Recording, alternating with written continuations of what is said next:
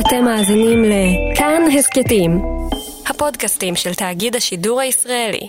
היי, אתם על חיות כיס, אני צליל אברהם. והשבוע יש לנו פרק חדש של איך הגעתי לכאן. דליה פדילה היא מייסדת ומנהלת רשת בתי הספר לאנגלית Q-Schools, ולפני כן היא ניהלה את בית הספר להנדסאים של מכללת אלקסמי. היא אישה חלוצה ומהפכנית בתחום ההשכלה הגבוהה לנשים בחברה הערבית, וכשחשבנו על מרואיינות לאיך הגעתי לכאן, רצינו מאוד לפגוש אותה. בתור נשים אנחנו רגילות הרבה פעמים לדבר על אפליה סמויה, קשה לזיהוי. על מקומות שבהם אנחנו יודעות שמעכבים אותנו, מסרבים לבקשות שלנו, או לוקחים מאיתנו קרדיט כיוון שאנחנו נשים, אבל אנחנו לא יכולות להוכיח, וגברים שעובדים איתנו לא יכולים לזהות את זה או להבין את זה. דליה התמודדה בקריירה שלה עם אפליה גלויה. ללא כחל וסרק אמרו לה, את לא יכולה לקבל את התפקיד הזה כי את אישה, וזהו. זה אתגר שאני אפילו לא יודעת לדמיין אה, מה הייתי עושה מולו. אז השבוע בחיות כיס, אחרי הפסקה ארוכה, איך הגעתי לכאן. גיל מרקוביץ' משוחחת עם דוקטור דליה פדילה. תהנו.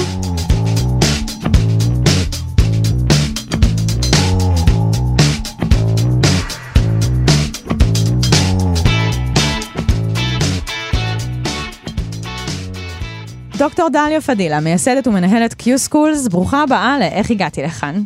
תודה. אנחנו נתחיל עם הסיפור האישי שלך, והוא מתחיל בטירה?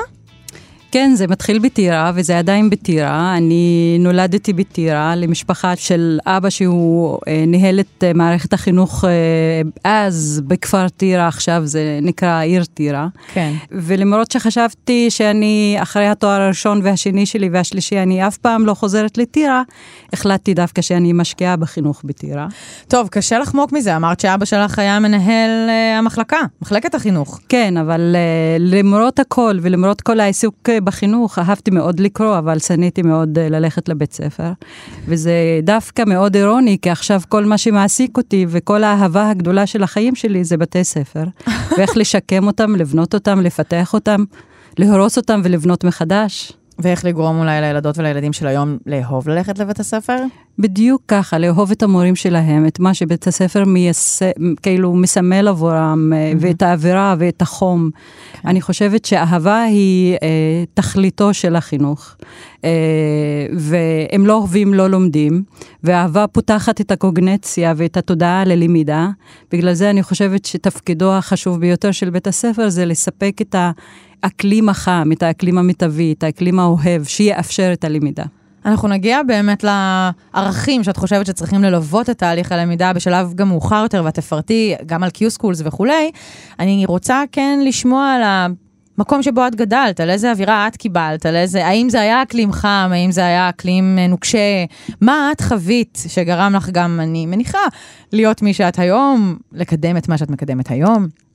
אז זה, זה תלוי את מי תשאלי בקשר לאיך אה, גדלתי ואיפה גדלתי. אז אם היית שואלת אותי לפני הרבה שנים, כשהייתי מתבגרת בבית הספר התיכון, הייתי מספרת לך סיפור של מרדנות, של, אה, של כעס, של אה, להסתכל על הסביבה ו, ולמרוד במוסכמות, בשמרנות, במקומה של אישה ובחורה צעירה ערבייה מוסלמית, בתוך המשולש, בתוך יישוב ערבי, שהוא נמצא על המפה. ולא נמצא על המפה. אה, זה התחיל להשתנות לקראת סוף התואר הראשון שלי באוניברסיטת בר אילן. התחלתי להסתכל בפרספקטיבה אחרת. על הנטל הזה שנהפך uh, לאושר אישי, המורכבות שנהפכת לזהות די מעניינת.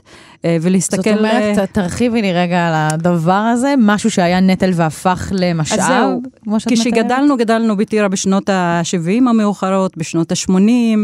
Uh, זו הייתה תקופה פוליטית לא קלה, שנות ה-90 uh, היו בסימנים חיוביים בין יחסי ערבים-יהודים, אבל שנות ה-80 היו בסימני אינתיפאדה ופלסטיניות, זהות פלסטינית לעומת זהות ישראלית, וכל המורכבות. אנחנו היינו... אני והאחים, האחיות שלי, מודעים לקונטקסט המאוד בוער, מלחמת לבנון, כל המלחמות שהיו באותו, באותם זמנים, וכל הקונפליקט שהתחיל אה, לרקום אה, עור וגידים של, אה, של מי אתה. תגדיר את עצמך right now כזה, או שאתה פלסטיני או שאתה ישראלי. לאן אתה שייך? ערביות, לאן את שייכת? ומה שהיה מאוד מעניין, שאבא שלי החליט שכל זה לא רלוונטי. כל זה is off the point. כל זה לא חשוב, כי צריך להתמקד רק בלימודים ולימודים ולימודים, כי, כי מיעוט צריך ללמוד, צריך להצטיין, לא תואר ראשון, לא שני, לפחות את התואר השלישי, כי זה חשוב במיוחד לנשים שהן באות ממיעוט בחברה כל כך גברית. הוא עשה את זה ב... אה, במסגרת כל כך לא פתוחה. לרעיון הזה? ל, לרעיונות אחרים, כזה הוא אה, מיקד אותנו אך ורק במסלול הזה, בלי שום אה, אה, אופציות לבחירה של מסלולים אחרים, אה, דבר שמאוד אה, כעסנו בגללו. שחשבנו שזה מגביל, שזה נוטל, לוקח מכולנו את חופש הבחירה של מי אנחנו ואיך להתבטאות, ולהיות חלק מההוואי התרבותי-חברתי-פוליטי שהיה באותם זמנים. אבל ב... עכשיו, בדיעבד. בדיעבד, אנחנו מאוד מעריכים את זה. זה. זה עשה אותנו למי שאנחנו. אז איזו זהות את מרגישה שבהתחלה היה לך אה, קשה להגדיר, או אולי הרגשת שאין לך חופש להגדיר, ועכשיו את מבינה בדיעבד שדווקא הגדרת? האמת, אני לא הייתי שלמה עם שום מרכיב מהזהות שלי. Nothing really satisfied me. להיות ערבייה, חשבתי ש, שזה אני, זו השפה שלי, זו התרבות שלי. אני גדלתי כשהיא דוברת ערבית בחברה הערבית, אבל הייתי מאוד מאוד ביקורתית על איך התרבות הערבית uh, צועדת במקומה, איך, uh, איך היא מדכאת את, את, את השונים בתוכה, את הנשים שבתוכה, איך התרבות הזאת נהפכת לתרבות של סוג ב' וסוג, וסוג ג' בקונטקסט הגלובלי.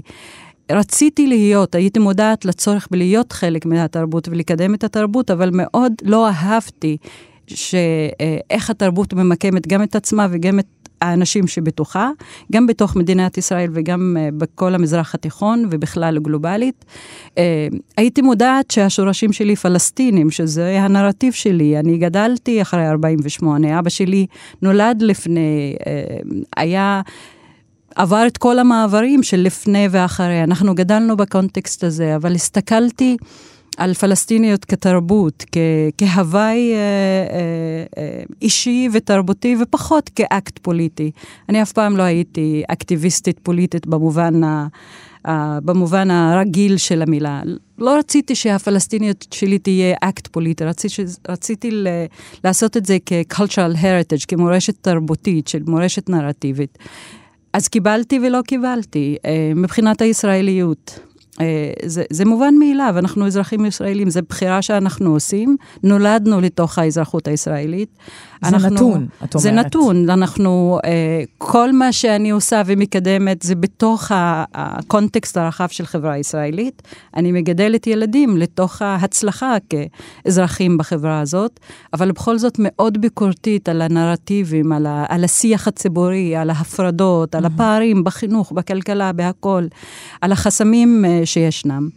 אה, גם מבחינה דתית, זה עד ש... התחלתי בנוחות לקרוא לעצמי אישה מוסלמית, זה גם לקח זמן, עד שעברתי את הרוויזיה האישית שלי, מה זה להיות אני ולהיות מוסלמית. ואפילו להוביל את הרפורמה האישית שלי ולקרוא לעצמי אישה מוסלמית רפורמית, דבר שאינו קיים דרך אגב, אבל אני לומדת מטרנד. המצאת הגדרה משל עצמך? אז המצאתי תנועה משלי של, אה, של נשים מוסלמיות רפורמיות, שאני חושבת, אה, אם אני והבת שלי אך אה, בינתיים משתייכות לתנועה הזאת, אז זה גם הישג. המיקס הזה של התרבויות וההגדרות והזהות, זה פגש אותך גם בשטח, בפועל, ולא רק בקונפליקט האישי? למשל, כשהיית מורה, עוד אנחנו תכף mm-hmm. נגיע לשלבים יותר מאוחרים בקריירה, אבל התחלת בתור מורה בטירה. אז התחלתי בתוך, בתור מורה אה, בתיכון טירה, תיכון ש... Uh, סיימתי אותו שלוש שנים לפני שחזרתי אליו כמורה, וזה היה די, די מוזר. כי מצד אחד חזרתי עם התלהבות, עם, אה, עם תחושה של, אה, של אה, של מסר, של אה, באמצעות השפה האנגלית, באמצעות את כל מה שאני למדתי, ואז הייתי גם אה, בשלבים מתקדמים של, ה, של התואר השני שלי, שכתבתי דווקא על נשות מיעוטים מארצות, מכל, מארצות הברית ומהעולם, ואיך הן משתמשות בקול ובצבע ובכתיבה, כדי לבסס את הישות שלהן אישית וחברתית. Mm-hmm.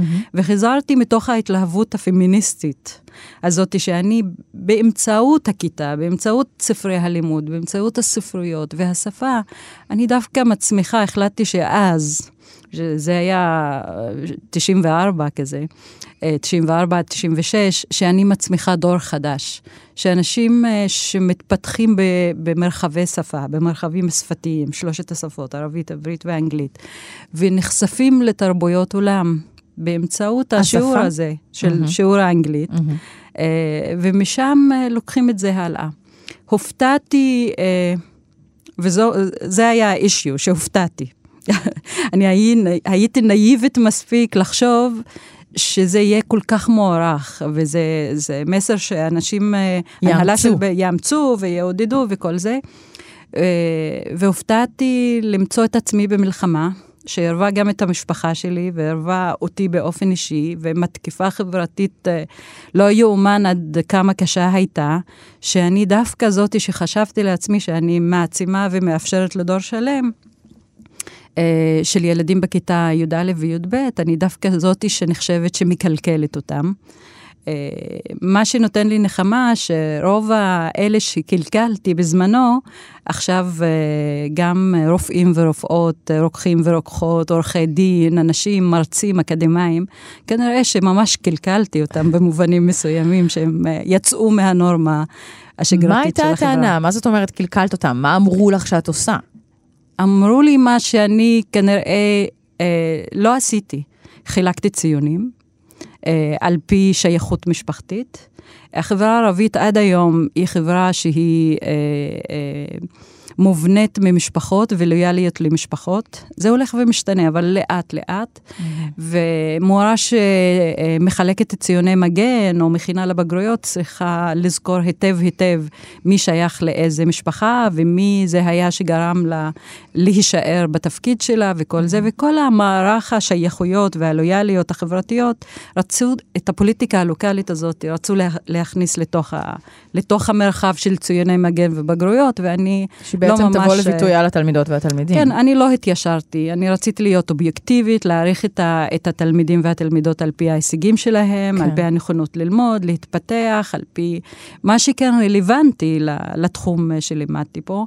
וזה היה בלתי מקובל. נפלתי בקטע של, אה, אה, גם כאן אני אומרת אירונית, אה, רגישות תרבותית חברתית. לא הייתי רגישה מספיק לצורך הזה ב- בלתת את הכבוד לשייכויות ולהכניס אותם כסעיף הערכה בתוך, שזה נשמע מצחיק.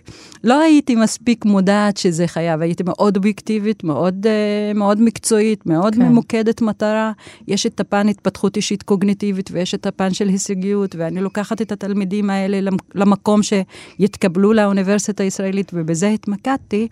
והייתי עיוורת מסביב לכל ההתרחשויות של הפוליטיקה המשפחתית. Mm-hmm. וזה, אה, ושילמתי מחיר. זה, החברה לא התפשרה. ופוטרת, זה המחיר ששילמת? א', פוטרתי, ב', חזרתי, ג', התעקשתי להישאר, וד', החלטתי שזה לא שווה. זאת אומרת שאחרי כל המאמץ הזה, בסוף הבנת שזה בכלל לא, לא המסלול זה, של מה שנקרא choose לא battle, זה לא הבטל, זה לא המאבק? זה לא, כן, זה לא, זה לא המלחמה ש, שתשנה את העולם, ולא המנגנון שצריך, אה, שאפשר לשנותו, ובית הספר לא ישתנה מבפנים. אה, אה, ועד כמה זה לא ישתנה על ידי מורה לאנגלית אה, בשנות עבודתה הראשונות, מול מנגנון ענק של, של שייכויות mm-hmm. ושל לויאליות ושל פוליטיקה משפחתית, פנימית, ש, שכבר דורסת את כל הניואנסים לשינויים. ובסימן השאלה הגדול הזה, שלי נשמע שבעיקר למדת מה לא, ויותר מה לא ופחות מה כן, בסימן הזה את גם הולכת ללמוד, חוזרת לאקדמיה? אז אה, בזמנו היו לי כבר שני ילדים בבית, בפער של שנה ביניהם, והחלטתי שאני קצת נשארת בבית, אני מסתפקת בכמה שעות שאני מלמדת, ו... אבל מהר מאוד אני מתקשרת לפרופסור אלן ספולסקי, שלימדה אותי בתואר השני, ואני אומרת, אני חייבת לחזור ללמוד. הרגשתי ריקנות, הרגשתי שזה לא אני, לא אני שנשארת במאבקים כאלה ומשלמת את המחיר, ולא אני שעובדת, כאילו עומדת מול אתגר ולא עושה כלום. אני גם עכשיו בדיעבד, כל הלמידה שלי, דרך אגב, אה, בדיעבד. טוב, אין מה לעשות, זה נראה לי אנושי מאוד. אז אה, אה, בדיעבד. לא נלחמים בקיר, אלא מוצאים את הפתח שמסביב, או בפינה, או לא יודעת איפה.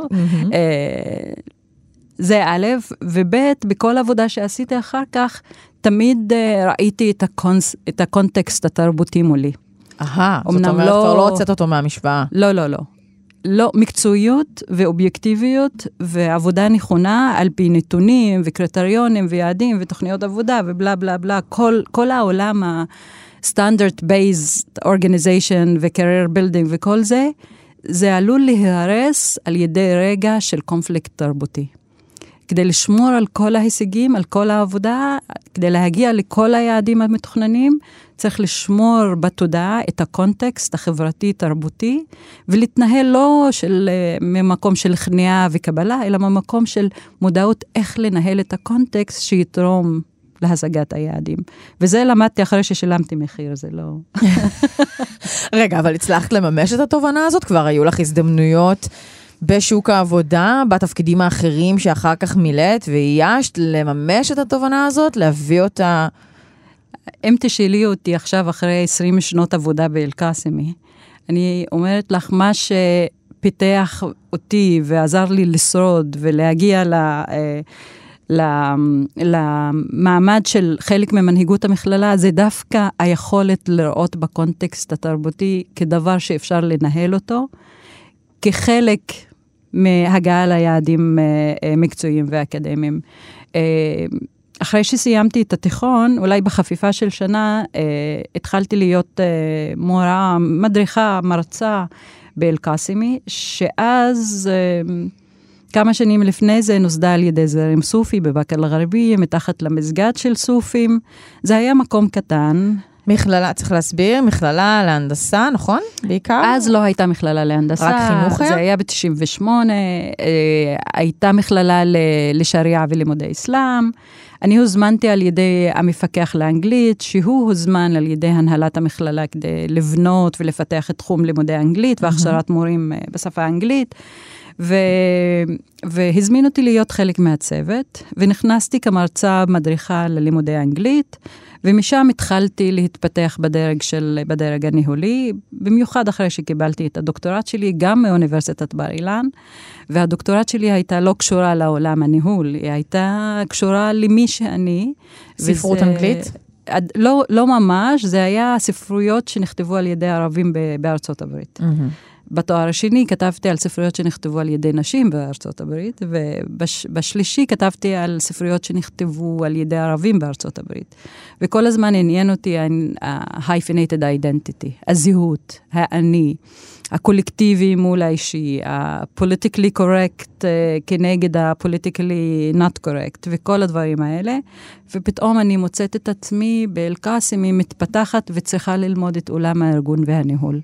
וזה היה די מורכב ומאתגר. באל-קאסמי, אה, שאת מגיעה אליה, איזה אתגרים מלבד, תכף אנחנו נחזור גם לאתגר הזה של ללמוד את הניהול, אבל איזה אתגרים בעצם היו לך אה, שהיית צריכה להתמודד איתם ברמת הניהול או ההדרכה או החינוך שפגשת שם? אה, אל-קאסם, כאילו, בחלק הראשון של, של ההתפתחות שלה, היא הייתה מכללה מאוד שמרנית, מאוד דתית, מאוד אה, מבוססת ניהול אה, אה, גברי, בואו נגיד את זה. אה, נוסדה על ידי שייח, שייחים סופים, שיש להם את הציפיות, ההנהלה היא מאוד מחויבת לתפיסה הדתית, הסופית. הכיתות בהתחלה היו מופרדות, כל מרצה שנכנסה הייתה חייבת ל- ל- לשים כיסוי ראש אה, ולהתנהל כמודל לחיקוי במובן, במובן האישי הדתי. זה היה האתגר, שאני לא יכולתי להיות המודל החיקוי המובן מאליו ב- בתוך, ה- בתוך, בתוך אל-קאסמי. היה מודל לחיקוי אחיד, לא כל כך היה- התאמת לו או לא רצית להתאים לו. אה, המשוואה הייתה בין להתאים את עצמי למוסד הזה, או להיות אני ולתרום למוסד הזה מתוך היותי אני. אה, ודווקא זה היה האתגר, ה compromise בין... אה, אה, דווקא להחליט שמי שאני זאת אני, אני באה עם, עם, עם, עם מי שאני לתוך, אה, לתוך, אה, לתוך ה... המוסד אה, הקיים. המוסד הקיים, המחלקה לאנגלית, להביא את תפיסת העולם שלי לתוך תוכניות הלימודים. כשאת נכנסת לכיתה ויש לך אה, 30 אה, אה, סטודנטיות, כולן עם ג'ילבאב, ואת מלמדת ספרות אמריקאית, אז מה, מה תביאי בתוך הספרות האמריקאית ובריטית? את שייקספיר, או תביאי את אליס ווקר ואת טוני מוריסון? מה כן רלוונטי? ואני הלכתי על רלוונטי. ורלוונטי היה טוני מוריסון? הרלוונטי היה טוני מוריסון ואחרים, והרלוונטי הפך לפצצה מתקתקת. בואי נגיד, בואי נגיד כמה מילים על, ה, על הנשים שאת זורקת, שאת גם אומרת את השם שלהן, זאת אומרת, לא שייקספיר, שייקספיר, על אף שיש אה, מי שטוען שאולי זאת הייתה אישה, אבל אנחנו נשאיר את זה, כן, כן. פיקציה, נשאיר את זה בצד. אבל טוני מוריסון עוסקת הרבה בכפל דיכוי. היא עוסקת הרבה בגם היות אדם שחור וגם היות אישה. אז בעצם נכון, להיות גם אישה אליס ווקר. שחורה. כן, וגם אליס ווקר, אז אני אשמח שתסבירי על זה למה את אומרת שזה רלוונטי, מה פגש אותך, או איך זה יכול היה לפגוש את הסטודנטיות שאת פגשת אה, בכיתה. בנוסף ל- ל- לטוני מוריסון ואליס ווקר, אני גם הבאתי לכיתה את מקסין הון קינגסטון, את כל הספרות האסייתית אמריקאית של אה, נשים, את Native Americans, וכל הספרויות האלה של, של כל העניין של אה, מי אני, האם אני כאישה, במיוחד אישה ערבייה מוסלמית, אני תפקיד, אני רול, או על נישה של תפקיד, או על נישה של אדם שיש לו קול, שיכול לבחור, שיש לו את, ה, את, ה, את החיים שהוא מעצב או מעצבת לעצמה. וכל הדיון באמצעות, ה, באמצעות השפה והספרות זה איפה את על הרצף בין להיות התפקיד שמוגדר לך בתוך החברה, לבין את כאדם שמתפתח. אה, מאוד, מאוד שמחתי כ, כ, על ההזדמנות שניתנה לי להתחבר אחרי שסיימתי את תפקידי בתוך המחלקה לאנגלית והתחלתי לפתח את uh, כל המגמה של יחסים בינלאומיים uh, בתוך, בתוך האל-קאסימי. שמחתי על ההזדמנות להתחבר לשגרירות האמריקאית, שאז, ואני אני חושבת שגם עכשיו, מציעים את כל המלגות לסטודנטים uh, לתוכניות מייפי. כל ה-leadership programs בארצות הברית של שישה שבועות.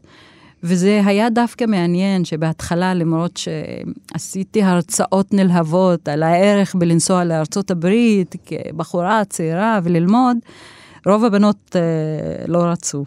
חלק אמרו לי, הן צריכות uh, פתווה מהשייח, חלק uh, פתווה מהאבא. זה חלק, אישור? Uh, אישורים, כן, אישורים כאלה, ושמעתי דברים uh, די מעניינים, איך הן משיגות את האישורים שלהם, ואיך הן לא חושבות ולא מאמינות שזה דבר שהוא ראוי וחשוב ו- וכל זה. שנה אחרי, שתיים נרשמו. אבל כשפגשתי אותם בקיץ ואמרתי, לא, אתן לא אמורות להיות בארצות הברית עכשיו? אמרו לי, לא, אנחנו התארסנו, יש לנו חיים עכשיו. אך ורק בשנה השלישית התחלנו לשלוח אוטובוס של 20 ו-25 בנות להתראיין בתל אביב בשגרירות. וכמה נסעו וחזרו ושינו את ה... לא רק את החיים שלהם ואת המשפחות שלהם, אלא גם התרבות של אל-קאסימי. ועל זה שנשים, פתאום אחרי אל-קאסימי, אה, מתחילות להירשם לתואר שני באוניברסיטת תל אביב וחיפה. אה, לרוב נשים באזור של באקה ג'ת שמהגבולות של השכונה לא יצאו. פתאום את מוצאת אותן חוזרות לאוניברסיטה כמרצות ומדריכות וחלק ל-PhD, ומתחיל שינוי חברתי.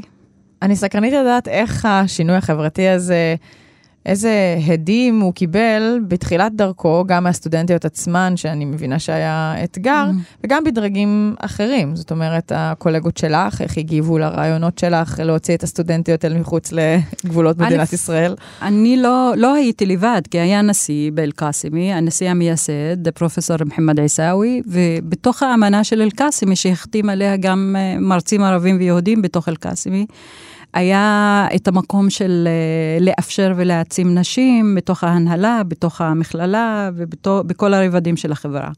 אז אני לא, לא, לא אני הובלתי, אני, אני הובלתי מתוך המקום שלי, אבל התחברתי לחזון הזה של אה, פרופסור עיסאווי ולכל האמנה החדשה של אל-קאסימי, שהייתי חלק ממנה וחלק מהניסוח שלה, אה, מילולית. אבל מתוך זה היו התנגדויות. מי שמתנגד קודם וכל זה הבנות עצמן. זה לא, זה לא ש... כל, ה, כל הנוסחאות של דיכוי חיצוני אני, גם בדיעבד, אני מצאתי שאין דיכוי חיצוני, רוב הדיכוי הוא דיכוי פנימי. טוב, גם לזה יש מושג אקדמי, הפנמת הדיכוי. הפנמת הדיכוי, בדיוק ככה. בנות לא מאמינות, או, או נשים צעירות לא האמינו שהן יכולות, שזה ראוי, שזה אפשרי. ולרוב שמעתי דברים כמו, זה את, זו את, זה, אצלך זה עבד, אצלנו זה לא יעבוד.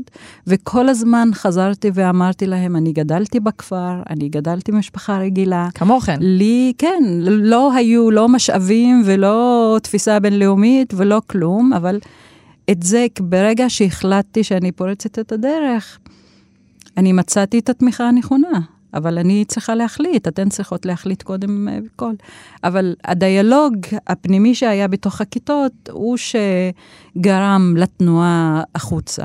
צריך לייצר מרחב בטוח ואמין כן. בתוך הכיתה כדי בכלל לאפשר לרעיונות כן. כאלה להתעכל, מה שנקרא. כן, אבל מה, אני בודקת, אה, אני מודדת אה, שינוי ותפיסה על פי, על פי תוצאות, והתוצאה אומרת שהבנות יצאו, יש להן תואר שני, לחלק תואר שלישי, אה, התפתחו די יפה, וזה אומר שכנראה שהנוסחה הייתה שווה.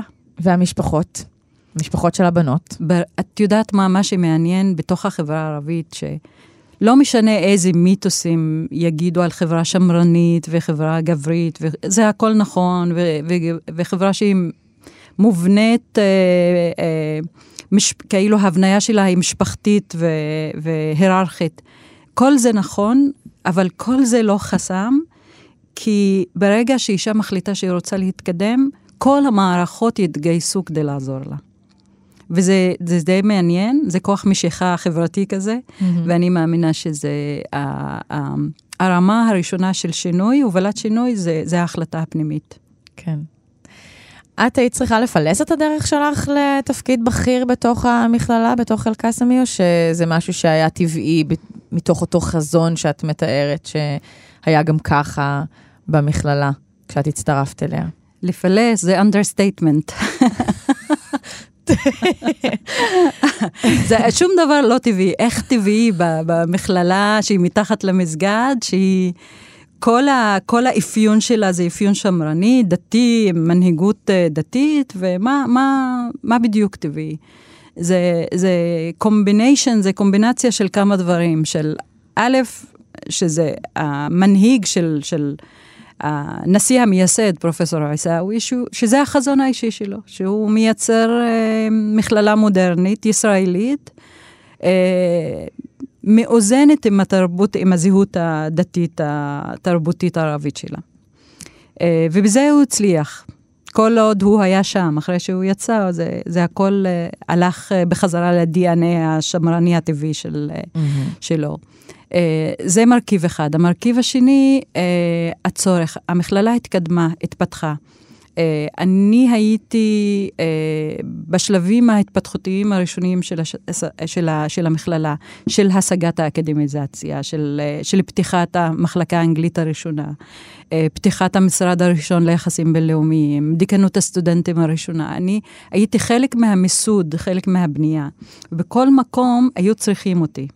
בגלל שיש לי את השילוב של, אה, של מי שאני, עם הכישורים שלי, של האנגלית, הצורך שלי וה, אה, והכושר שלי ללמוד את דברים חדשים, וזה שאני גם מייצגת את הפנים הנאורות של קאסימי, זה גם מול הממסד ומול מוסדות uh, בינלאומיים. ואת השילוב הזה ידעתי לנצל טוב, יחד עם המומנטום של מכללה שצריכה אנשים עם, עם השכלה גבוהה ישראלית. עם תואר שלישי, עם שפה אנגלית, עם אה, אה, נשיא עם חזון אה, פותח עולם ומעצים נשים ואנשים. אה, והמרכיב השלישי זה האש הפנימית, אה, שילוב של צורך לשנות כל הזמן. כן.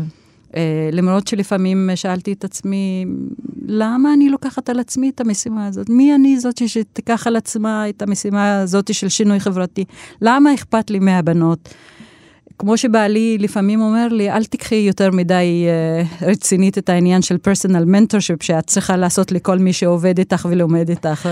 זה מקום כל כך חודרני ומסוכן, והוא צודק. אבל יש בי את המקום הזה של אה, never satisfied, אני אף פעם לא מרוצה. לא מסופקת. ולא מסופקת לא מדברים אישיים, לא מסופקת מדברים שהם לפעמים מחוץ לגבולות של השליטה שלי. חברה, מערכת חינוך, כלכלה. זה מדאיג אותי במובנים אישיים מאוד מצחיקים. אה, והאש להתקדם, ובזמנו גם להוכיח שבתוך מוסד אקדמי, בתוך חברה, בתוך מי שאנחנו, נשים יכולות להגיע למעמד של הנהלת אה, מכללה. ואת באמת היית האישה הראשונה שאישה את התפקיד הזה. אני איישתי תפקיד של אה, אה, ממלאת מקום וסגנית אה, המכללה, אה, נשיא המכללה האקדמית, שזה דרג אה, מספר שתיים של המכללה. לא יכולתי להגיע למקום של מספר אחד בזמנו, שזה היה ב-2012, כי אז אה, אה, היו כמה חסמים. גם העמותה המייסדת לא, לא חשבה שזה רעיון טוב שאישה שהיא לא דתייה פתאום תעמוד אה, בראש מוסד שהוא דתי, ויש עדיין את המסגד ואת ה... את ה... שהוא בלב הקמפוס, ותדמייני, אני על רקע המסגד וכל זה, זה לא, לא ממש התיישר. Uh-huh. אני לא הבנתי, אז הבנתי ולא הבנתי. חשבתי שהם... הבנת אבל לא קיבלת. בדיוק ככה, לא קיבלתי, כי אובייקטיבית ומקצועית יכולתי כן להוביל.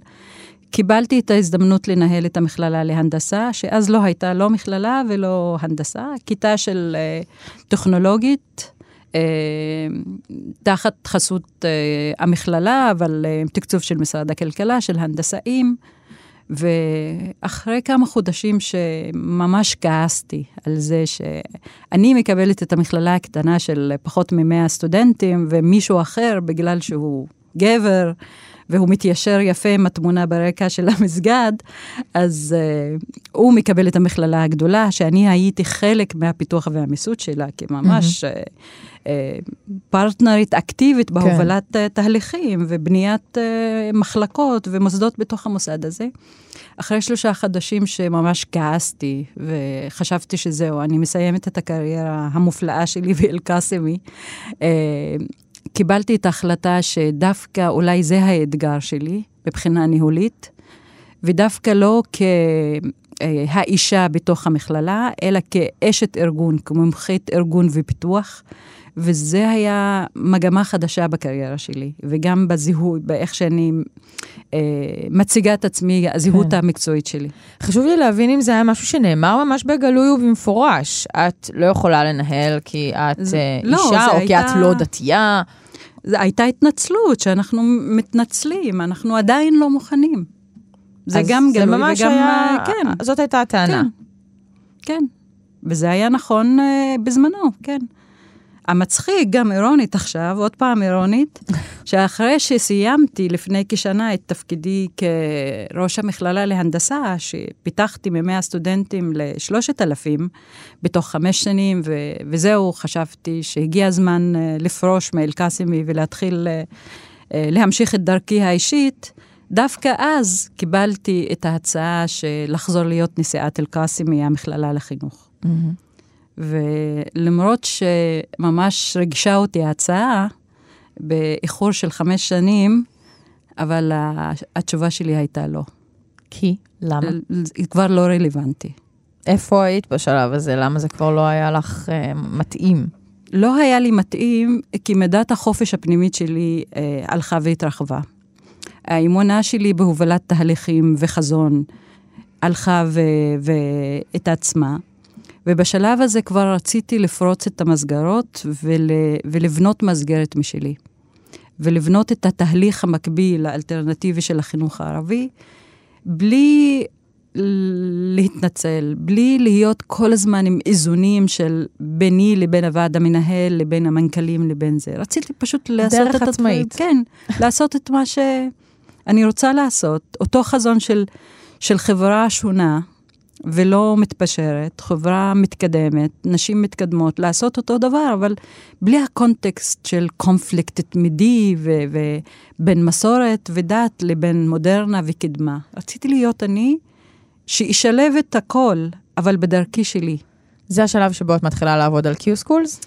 אני התחלתי לעבוד על Q-Schools uh, כאילו עשר שנים לפני שיצאתי מאל-קאסימי, אבל זה היה במקום השני של, אוקיי, מיזם מהצד. אישי, מהצד, אחרי הצהריים, מרכז אה, לשפה האנגלית, אה, שבהתחלה חשבתי שזה לא יצליח, כי אנשים שאלו אותי, אז מי מלמד, ולמה בטירה, ומי לומד אנגלית בטירה בכלל, ואנשים ששולחים את הילדים שלהם ללמוד אנגלית, שולחים אותם לכפר סבא או רעננה. אה, וזה התפתח, אה, התחבר לי מהר מאוד לתפיסה החברתית שלי. שכתבתי וכתבתי את כל הספרים בשפה האנגלית. אה, אני כאן אציין שכל ספרי הלימוד בשפה האנגלית של משרד חינוך המאושרים על ידי המשרד, אין בהם אף ילד או ילדה ערבי. הערבי היחיד בכל ספרי האנגלית זה סלים The Good Bedouin, עם, עם האוהל והגמל, כן. שזה סלים הבדואי הטוב. הבדואי הטוב, וזה לא, לא בדיוק אנחנו, זה לא כל המר... לא כל... זה מייצג אוכלוסייה מסוימת בתוך החברה הערבית, אבל זה לא כל הערבים. זה... ומה, ומה שממש, אה, זה לא רק ספ, ספרי השפה האנגלית, לימודי אנגלית, זה גם אה, בערבית. כל הספרים והרפורמות של ספרי אל-ראאד, הפיוניר, החלוץ, ואת תקווין, היצירה, כל הספרים והרפורמות והכל, את מסתכלת עכשיו על uh, ספרי הילדים uh, בשפה הערבית, ואת מוצאת uh, את האימא במטבח, עם הסבתא עם התרנגולות, עם הילדה שמעודדים אותה לשתוק.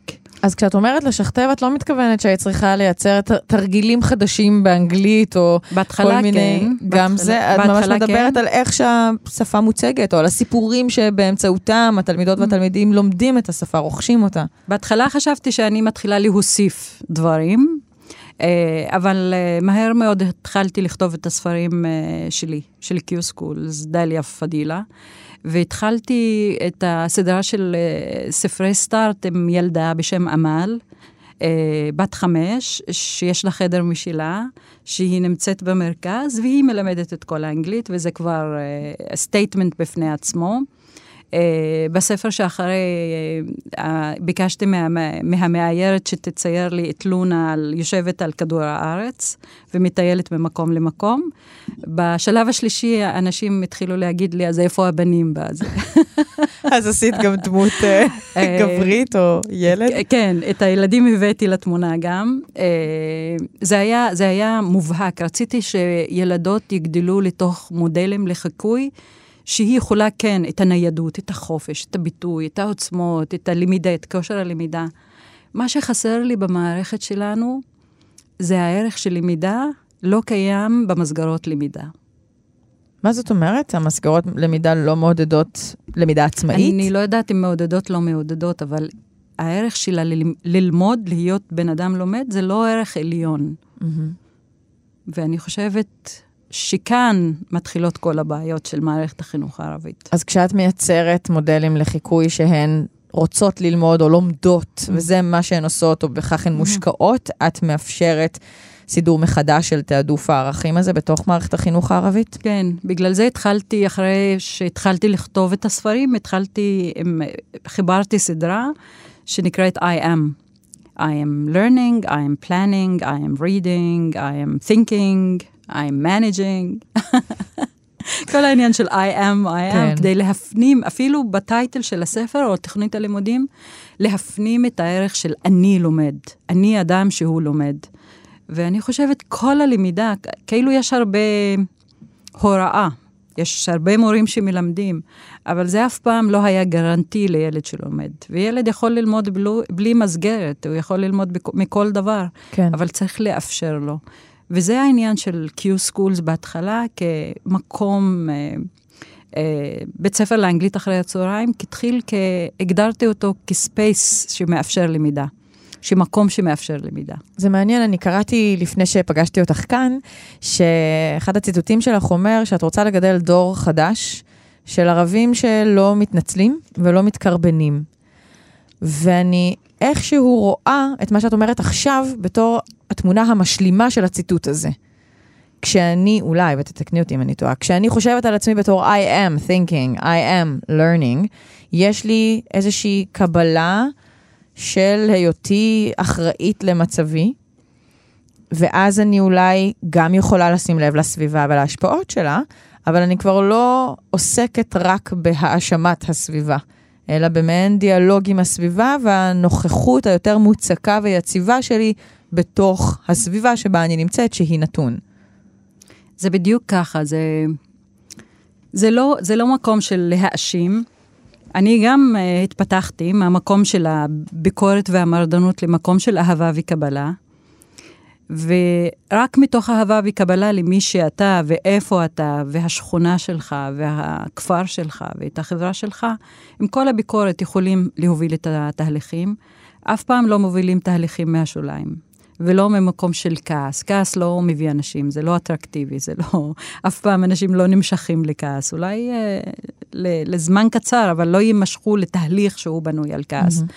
אז התהליך בנוי על אהבה, ואהבה מתחילה מילדים. ואיך שהתחלתי לבנות את ה-Q School זה בדיוק ככה. את המשפט הזה לגדל ילדים שהם אה, אה, לא פתוחים מתנצלים. בעצמם, לא מתנצלים, שהם מובילים תהליכים בתוך החברה שלהם, ואנשי העולם, באותו זמן שהם גם אנשי ונשות החברה שלהם, לקח לי שנים להגיע למשפט הזה, זה לא, זה לא פשוט. עד שידעתי למה אני עושה מה שאני עושה ואיפה אני לוקחת את זה, לקח לי שנים לנסח את המשפט הזה ולהגיד, כל מה שאני עושה זה זה. והיית צריכה להחליט החלטות. מי אנחנו עכשיו? בוא נגדיר את מי אנחנו עכשיו. בוא נגדיר איפה אנחנו רוצים להגיע. והיה ברור לי שמתחילים מהילדים, מגני ילדים. בגלל זה.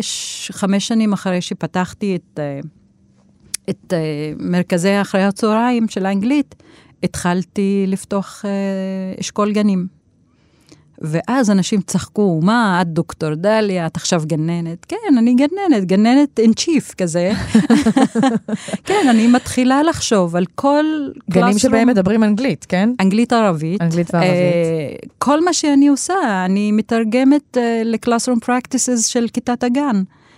אם אנחנו אומרים אה, אה, איך אה, להיות פתוחים בעצמכם ולדבר שפה ברורה ואיך להביע את הרגשות שלכם במקום להתלונן שלא מקשיבים לכם, אז יש לנו את המיזם של המרצה הצעיר ש- שעומד לו ילד בן שלוש או ארבע ונותן הרצאה ולומד איך לעמוד ואיך לדבר ואיך להשתמש בקול שלו. אז לקחתי את, ה- את הערך הגדול של... non-apologetic, smart, confident kids, ותרגמתי את זה ל-classroom practice בכיתת הגן. ליום-יום. כן. ליום-יום בכיתה. כן, וזה זה, זה גורם לי הנאה בלתי פוסקת. כל פעם שאני חושבת על ערך גדול, ופתאום... מצליחה לתרגם אותו. לתרגם אותו ל, ל, לזה, לפעילות קטנה ומעניינת בתוך הגן, זה, זה אופוריה בלתי רגילה. אז את מסופקת? on a temporary basis כזה, אה, אני, הבוקר הייתי בגן, וכל יום ראשון אני פוגשת את, ה, את הצוות שלי, ואני אומרת, אתן עושות עבודה מצוינת, אבל הגיע הזמן to push it on. כן. הגיע הזמן לדחוף את קדימה. זה צעד קדימה, ותמיד יש את הצעד הקדימה. דליה, נגיד שהערוץ הזה יצליח בצורה באמת יוצאת מן הכלל, הדור יגדל, ויהיה דור לא מתנצל, לא מתקרבן, בטוח בעצמו, פעיל. האם זה מספיק בשינוי הפערים או המצב של החברה הערבית בישראל? האם צריך גורמים נוספים שייכנסו לתמונה כדי uh, לייצר את השינוי הזה שאת חותרת אליו מגילאים, מהגיל הרך, מגילאים קטנים? הנוסחה במדינת ישראל של החברה הערבית והממסד היא נוסחה מורכבת משני צדדים. יש את הצד של הממסד. אמנם תוכנית החומש ו-922 הזרימו הרבה משאבים לתוך החברה הערבית. והאמת, הרבה משאבים לחינוך הבלתי פורמלי, וכל הרפורמות וכל זה. אבל עדיין... תסבירי קצת על התוכניות האלה, שנדע. אז uh, תוכנית החומש היא תוכנית שקצ... ש... של הקצאה של תקציבים, uh, ל... במיוחד לחינוך הבלתי פורמלי בחברה הערבית, והשקעה בחוגים ותוכניות, uh, וגם uh, גם בקורלציה עם החינוך הפורמלי בתוך החברה. תקציבים שהגיעו לרשויות המקומיות, אמנם זה חלק מהבעיה, שהם לא הגיעו לבתי ספר באופן ישיר, בגלל זה החלק שמגיע לילד או לילדה באופן ישיר הוא חלק מאוד מזערי ממה ש... mm-hmm. מה שהרשות מקבלת. אבל יש את הנכונות מצד הממסד להשקיע, אולי יכול להיות לחץ של ה-OCD, יכול להיות uh, לחץ, uh, לא יודעת, של ה... של, ה, של הציבור, יכול להיות כל מיני, יכול להיות הצורך אה, אה, אה, בביטחון פנימי. אה, מאוד ביטחון חזק. פנימי בתחום החינוך? בתחום, ש... לא, ביטחון, כאילו ביטחון פנימי בתחום החברה הישראלית שמודעת שהשקעה במיעוט הערבי היא השקעה בחוסן של מדינת ישראל. Mm-hmm. זה יכול להיות כל זה, אבל עדיין יש פערים, יש פערים בתקצוב, עדיין יש פערים בניהול. ועדיין, אני חושבת, הגורם העיקרי, למרות כל ההשקעה בתקציבים, אין מענה לשאלה מהו חזון מערכת החינוך הערבית. ואם חזון מערכת החינוך הערבית הוא חלק מחזון מערכת החינוך הישראלית. ואם כן, למה יש הפרדות? אה, ומי הוא בוגר המערכת? עדיין אין תשובה לשאלה מי הוא בוגר המערכת הערבית. האם הוא ישראלי?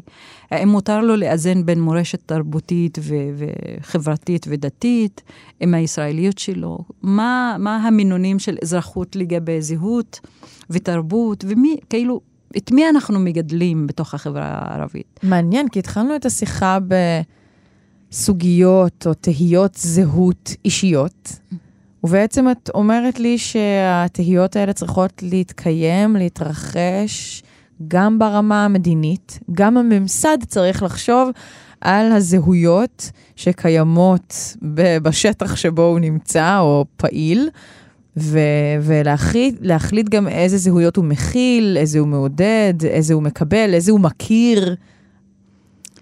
תשמעי, בכל העולם מערכות חינוך אה, קבעו את החזון של המערכת וקישרו את זה לחזון של המדינה, והובילו תהליכים ו- וקבעו יעדים שיקרבו אותם למימוש החזון של מערכת החינוך, של מי הם בוגרי מערכת החינוך ואיך הם תורמים למימוש המערכת, החזון של, של מדינה. Mm-hmm. זה קרה בפינלנד, בסינגפור, זה קורה בכל העולם, ככה מובילים תהליכים. כאן זה, לא, זה עדיין לא קורה, כי יש את הקונפליקט, כי הזהות שלנו כישראלים, כערבים, כיהודים, עדיין מוגדרת על ידי הקונפליקט, ולא מוגדרת על ידי חזון אחד של מדינת ישראל. חוק הלאום, השפה הערבית כשפה שנייה, כל אלה הפערים. ההצהרות, מקומם של ערבים בפוליטיקה, בחברה, בחינוך, עם כל המיזמים סביב הייטק ועידוד הייטק וכל העמותות שקיבלו מיליונים של תרומות מכל העולם וגם ממדינה, matching ממדינת ישראל לקדם ערבים בתוך ההייטק. רק שלושה אחוזים מכל אה, העובדים בהייטק הם ערבים. והם אף פעם עדיין לא התקדמו למשרות אה, ניהול ומשרות בכירות בתוך מערכת ההייטק. זה הרבה פעמים קורה בגלל אה, בעיות שאנחנו מכירות שהן של אפליה מודעת או לא מודעת, אה, וגם נכון. פערי תרבות שהסביבה לא כל כך מעוצבת כדי להתאים, או את עצמה לפערי נכון. התרבות. אז מה, איך מתמודדים עם זה? מערכת חינוך ערבית שהיא גם ישראלית, מתוקצבת ממדינת ישראל, ופועלת על פי נהלי המדינה, משרד חינוך, וספרים ותוכניות לימודים מאושרות, עדיין לא מצליחה להיות adequate לייצר בוגרים שיוכלו להשתלב באקדמיה הישראלית וב... אה, workforce, כן, שוק בשוק העבודה. העבודה ולא בהייטק, כאילו start-up nation, אבל לא, לא, לא כל ה nation. לא. זה, זה, זה המקום הזה, זה מערכת חינוך שהיא חלק ממדינה, אבל היא גם לא חלק ממדינה, היא עדיין החצר האחורית של המדינה. זה לא, זה, זה אחריות משותפת. את אומרת דבר חשוב, שצריך לייצר את המעורבות או את ההלימה, מדברת על איזה התאמה או הלימה, בשלבים מאוד מוקדמים במערכת חינוך, אה, בשלבים של גיל הרך אפילו, כדי לאפשר אחר כך לאותם אנשים שהמערכת פולטת במרכאות החוצה אל שוק העבודה, לאפשר להם באמת להתקדם בשוק העבודה, לא להיתקע באיזשהו... אה, נכון. נכון, מצב. אם זה שפה, אם זה מיומנויות חשיבה, אם זה אסטרטגיות, איך לנהל בית ספר, איך לקדם בית ספר, איך להכשיר את המורים. אה, אה, יש הפרדה בין הכשרת, לרוב הכשרת מורים ערבים ויהודים, אפילו במכללות אה, מסוימות יש מסלול ערבי, ולא, כאילו, צריך להיות מורה ישראלי, ולא מורה ערבי ומורה יהודי. כאילו, זה מתחיל מההכשרה, זה מתחיל בלנהל, זה מתחיל מה... שיש הרבה פוליטיקה גיאוגרפית באיך לאפיין חינוך במקומות מסוימים, על ידי המקום שהם, שבתי ספר נמצאים בו, mm-hmm. וגם יש את האחריות מבפנים של המערכת. מנהל בית ספר, יש לו לפעמים לרוב יכולת ניהול עצמי של בית הספר, ו... to what limit, לאיזה, לאיזה גבול יכול אה, להיות חופשי בלהגדיר את, ה, את המקום שלו. יש, יש עליו, עליה, את המנהל, מנהלת ואת הצוות, גם אחריות להוביל את התהליך מבפנים עם אוכלוסיית התלמידים וההורים שהם, אה, שיש להם בבית הספר. כן. זה אחריות של החברה, זה אחריות של הרשויות המקומיות שלפעמים אה, לוחצות לשים נציג של משפחה מסוימת כמנהל בית ספר, למרות שהכישורים שלו או שלה לא תמיד תואמים.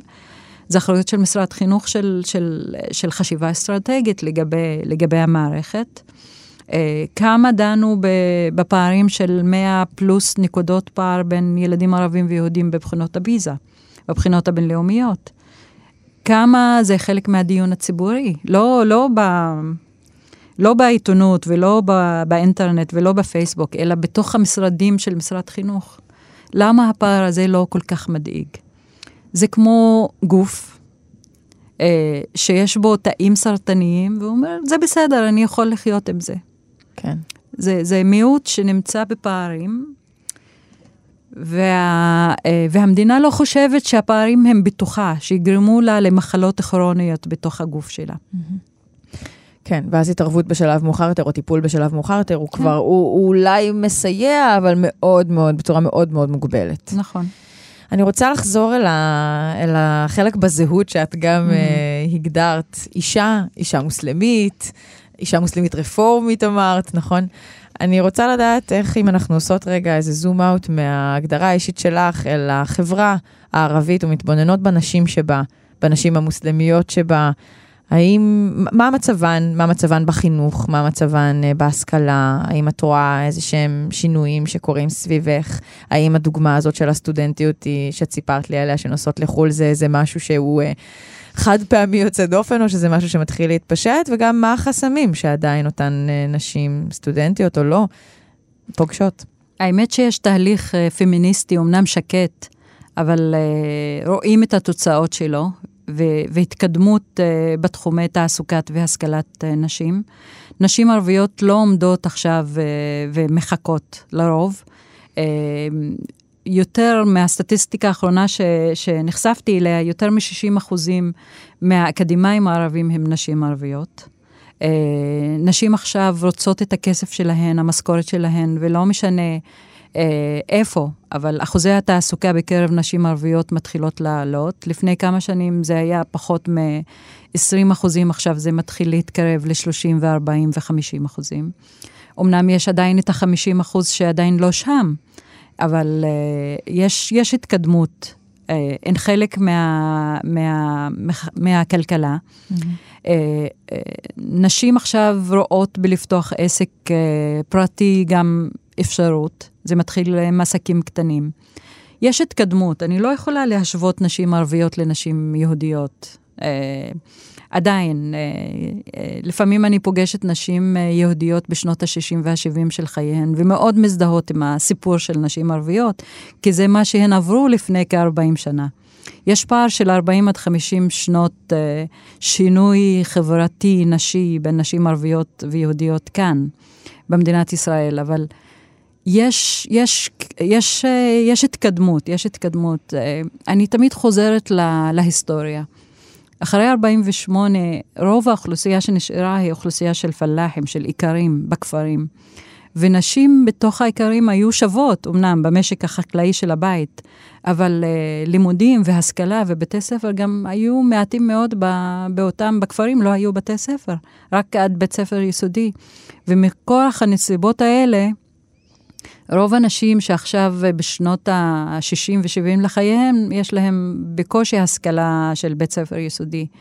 אבל זה, זה עיכב אותנו, אבל uh, זה גם מסביר למה נשים עכשיו מתחילות, uh, uh, מתחילות לנסוע להשכלה מחוץ uh, לגבולות מדינת ישראל. כן. למה אחוזים uh, די גדולים uh, מאלה שלומדים גם באוניברסיטאות ירדניות ופלסטיניות הם נשים, כמעט כ-50 אחוז הם נשים צעירות. טוב, אולי בזכות החוקרות הצעירות שלך שמטיילות בעולם. תשמעי, תהיינה יותר. אחד ה, אחת החטיבות של Q-School זה המכון למנהיגות הצעירה, שבמסגרתו אנחנו כל שנה מוציאים משלחות ל-UN Headquarters בניו יורק, בג'נבה, ב debate, אה, תחרויות debate אה, בכל העולם, Mm-hmm. ותופתעי לדעת שאפילו יותר מ-90% מהמשתתפים הם משתתפות. יותר מ-90 אחוז? כן. ותדמייני לעצמך משלחת, בחורה כאילו בכיתה ט'-י', אה, צעירה, שבכיתה ט' היא כבר עומדת על הפודיום של ה-UN ונואמת, וחוזרת הביתה, כלום לא יעצור אותה. מה האתגר הבא, דליה, מבחינתך? אמרת שאת uh, בדרך כלל לא מסופקת, ממה את לא מסופקת עכשיו, הוא ה-goal הבא, המטרה הבאה? האמת, אני כל הזמן חושבת על בתי ספר ואיך ליצור את הבית ספר הרלוונטי לשלב ההתפתחות של החברה הערבית במדינת ישראל. ועכשיו אה, אנחנו כאילו קיוסקול בתהליך של לבנות את הבית ספר הזה. זה אמנם יהיה בית ספר בוטיק כזה, אבל זה מודל שמשלב יזמות חברתית ו- ולמידה משמעותית. אה, עם פן אה, שמאזן בין זהות אה, אישית חברתית לבין אזרחות לבין גם אה, בינלאומיות. אה, וכל זה יתבטא בתוכניות הלימודים והפעילויות, אבל זה תהליך איטי, לטעמי. וזה אחד ה- המוגבלויות של להיות אה, עצמאי ומוביל תהליכים אה, מתוך מסגרת שאתה יצרת במקום מסגרת שהיא אה, קיימת. קיימת במערך הגדול, במערך הרחב, הגדול המדיני. והרחב, כן. שזה המשאבים, שזה התהליך של, תהליך בודד לפעמים של, אני באמצע מול ממסד, חבר, כאילו משרד חינוך וכל מה שמשתמע מזה, מהמם. לתוך החברה שלי, ולרוב התחושה שאני מובילה את התהליך לבד. כן. ומה שמעניין בתהליכים האלה, שתומכים בך אחרי ש... אה, רק once שאת מצליחה. לא יתמכו אותך ברגע שכל בדרך. פעם אני אומרת, אני בונה בית ספר, הבית ספר זה זה, אנשים לא מאמינים לי. ורק אחרי שאת מצליחה, אחרי שאני מצליחה, יתחילו לתמוך בזה. מצטרפים. מצטרפים ומתחילים לתמוך בזה, וזה גם הסיפור הבירוקרטי של משרד חינוך. כאילו, פתחנו את הגן, כל מי שהיה מסביב נלחם בקונספט של מה פתאום ילדים ערבים לומדים אנגלית ונחשפים לאנגלית. למרות שחמש דקות מטירה, בכפר סבא וכוכב יאיר, ילדים לומדים בבת... בגנים אמריקאים ו- ו- ורוסים וכל זה. אבל uh, כזה denied. מוחש, to- כן. מוח- כן. זאת החשה כזאת. עד שפתחנו, עד שנאבקנו מול הפיקוח, עד שמצאנו את הנוסחה, עד שהתחלנו להיות מתוקצבים, עוד פעם עוד מפקחת חדשה, ועוד פעם מתחילים את המלחמה וכל זה, אבל מה שכן, הורים מצטרפים כל הזמן. כי הם יודעים מה הערך המוסף של ילד בוגר קיוסקול, ילדה בוגרת קיוסקול. אבל בהתחלה זה היה גם קטסטרופה פיננסית וגם אה, ארגונית. דליה, שלוש שאלות לסיום, השאלות הקבועות. אז uh, הישג שאת הכי גאה בו, שהשגת אותו, שמחה בו? אה, א', שהייתי באל-קאסמי והגעתי למקום שהגעתי אליו, ואני חושבת שזה פרץ דרך לנשים, לנשים ערביות מתוך מוסד חינוכי ערבי, זה הישג. כן. ההחלטה לעזוב את זה, זה הישג, כי זה, זה, זה תוצאה של החופש הפנימי והאמונה בתהליכים אישיים ובחזון אישי. אני חושבת שזה גם הישג לא פחות חשוב מהישג של הגעתי לשם, אבל עזבתי את שם, זה בשבילי הישג. היכולת להאמין למרות כל הקשיים של, אה, והבדידות הארגונית-מקצועית בתוך מיזם שאתה בונה, אה, להישאר שם ולהתעקש שזה כן, ולראות את הבית ספר שעדיין לא נבנה פיזית, אבל לראות אותו פועל בראש שלי ולדעת. שזה יבוא, אני חושבת שזה גם הישג. אה, ועכשיו אל הכישלון, או משהו שעוד לא השגת ואת שואפת. עדיין, אני רוצה מאוד לבנות בית ספר. זה, אני, אם תשאלי אותי, לא יודעת איזה שאלה, הישג, כישלון, אה, כמיהה, זה, זה אותה תשובה. עכשיו, כל מה שמעסיק אותי, שאני כן רוצה לבנות את בית הספר הזה. בשבילי זה סינתזה, את כל התפיסה החינוכית, חברתית, זה יהיה המקום שבמקום להרצות על מי ש... מה שצריך לעשות, פשוט להגיד, תבואו ותסתכלו, ככה אנחנו מגדלים את הילדים הערבים של, של, של החברה שלנו, של המדינה, של אנשי העולם, ככה הם נראים, תבואו לבית ספר הזה ותראו מה show, המתודולוגיה. don't tell. בדיוק כן. ככה. והמלצה למאזינות ולמאזינים שלנו. טיפ לחיים, יצירת אומנות, תשמעי, משהו מעורר השראה, מחשבה. אז אחד הספרים שמאוד אהבתי, וזה תמיד מחזיר לפרספקטיבה, שזה, אני קראתי את זה בערבית, אבל זה בטורקית, במקור של אה, אליף שפק, של אה, חוקי האהבה 40, 40 חוקי האהבה, אני לא יודעת איך תרגמו את זה לעברית. נראה לי שאנחנו נסתדר עם גוגל. 40 חוקי האהבה. משהו כזה, כן. אז זה ספר, של, ספר שלם? זה ספר שלם, זה רומן שמשלב את החיים של uh, ג'לאל א-דין א-רומי, עם שמס א-תבריזי, וכל המערכות היחסים של בין הישגיות לבין בין, uh, סיפוק רוחני ושל עושר פנימי לעומת עושר חיצוני. והחוקים שאת, uh, כל חוק של מהחוקים ה-40, uh, את הולכת ובודקת את עצמך איפה אני עם כל ה... העושר הפנימי שלי, וזה אחד הספרים שמאוד שינו את החיים שלי. כאילו לא, כאילו לא שינו את החיים, אבל תמיד מחזירים אותי לפרספקטיבה של, אה, של אהבה ועושר מתחילים אה, מבפנים. דוקטור דליה פדילה, תודה רבה רבה לך על השיחה הזאת. תודה לך. תודה. האזנתם לפרק של איך הגעתי לכאן, סדרת בת של חיות כיס. העורך שלנו הוא רום אטיק. אתם מוזמנים להיכנס לקבוצת הפייסבוק שלנו ולכתוב לנו מה דעתכם. אפשר גם להאזין לכל הפרקים האחרים בסדרה איך הגעתי לכאן וגם לכל הפרקים של חיות כיס, בכל אפליקציית פודקאסטים ובאתר כאן. תודה רבה שהאזנתם.